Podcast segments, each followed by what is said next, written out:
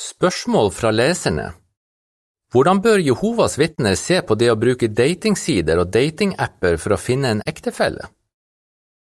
Jehova ønsker at to som gifter seg, skal være lykkelige og ha et nært og varig forhold til hverandre. Hvordan kan du finne en god ektefelle hvis du har lyst til å gifte deg? Som vår skaper vet Jehova hvordan vi bør gå fram for å få et lykkelig ekteskap så det vil alltid gi de beste resultatene å følge de prinsippene han har gitt oss. La oss se på noen av disse prinsippene. Det er viktig at vi forstår dette om oss selv. Hjertet er mer forrædersk enn noe annet, og det er desperat. Jeremia 17,9 Når en person prøver å finne og gjøre inntrykk på en mulig ektefelle, kan det fort oppstå sterke følelser, slik at man ikke tenker klart. Hvis avgjørelsen om å gifte seg først og fremst er basert på følelser, ender det ofte med skuffelse. Derfor er det ikke klokt at man tidlig i forholdet uttrykker hvor sterke følelser man har for hverandre, eller lover noe før man blir godt kjent med hverandre. Ordspråkene 22.3 sier Den kloke ser farene og skjuler seg, men den uerfarne går bare videre og må ta konsekvensene. Hvorfor kan det være farlig å bruke datingsider og datingapper? Noen har dessverre opplevd å bli utnyttet følelsesmessig. De har møtt noen på nettet, begynt å ha mye kontakt og senere oppdaget at personen bare lurte dem. Dessuten finnes det uærlige personer som lager falske profiler for å svindle til seg penger fra godtroende personer. Det har hendt at de som står bak slike bedrag, har utgitt seg for å være Jehovas vitner. Noe annet å tenke over er hvilke metoder slike datingsider bruker for å finne ut hvem som passer sammen. Noen bruker matematiske algoritmer eller beregninger, men det finnes ingen beviser for at slike metoder faktisk fungerer. Vil det være klokt å la en så viktig avgjørelse som hvem man skal gifte seg med, være basert på en menneskelaget formel? Bibelske prinsipper er mye mer pålitelige enn matematiske formler.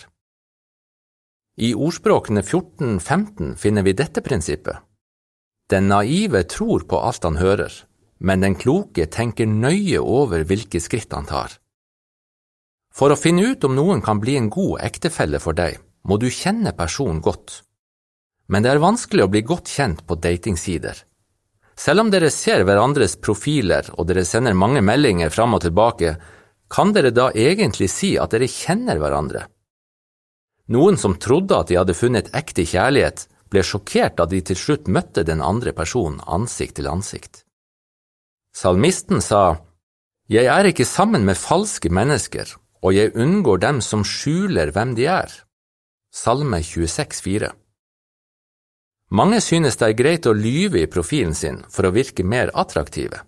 De skjuler kanskje dårlige personlighetstrekk, eller det kan være at andre ikke legger merke til slike trekk hos noen de bare har kontakt med på nettet. Noen sier kanskje at de er Jehovas vitner, men er de egentlig døpte vitner? Er de åndelig modne? Har de et personlig forhold til Jehova? Er de respektert i menigheten sin? Eller kan det være at de er dårlige eksempler, eller til og med dårlig omgang? Og er de bibelsk sett fri til å gifte seg?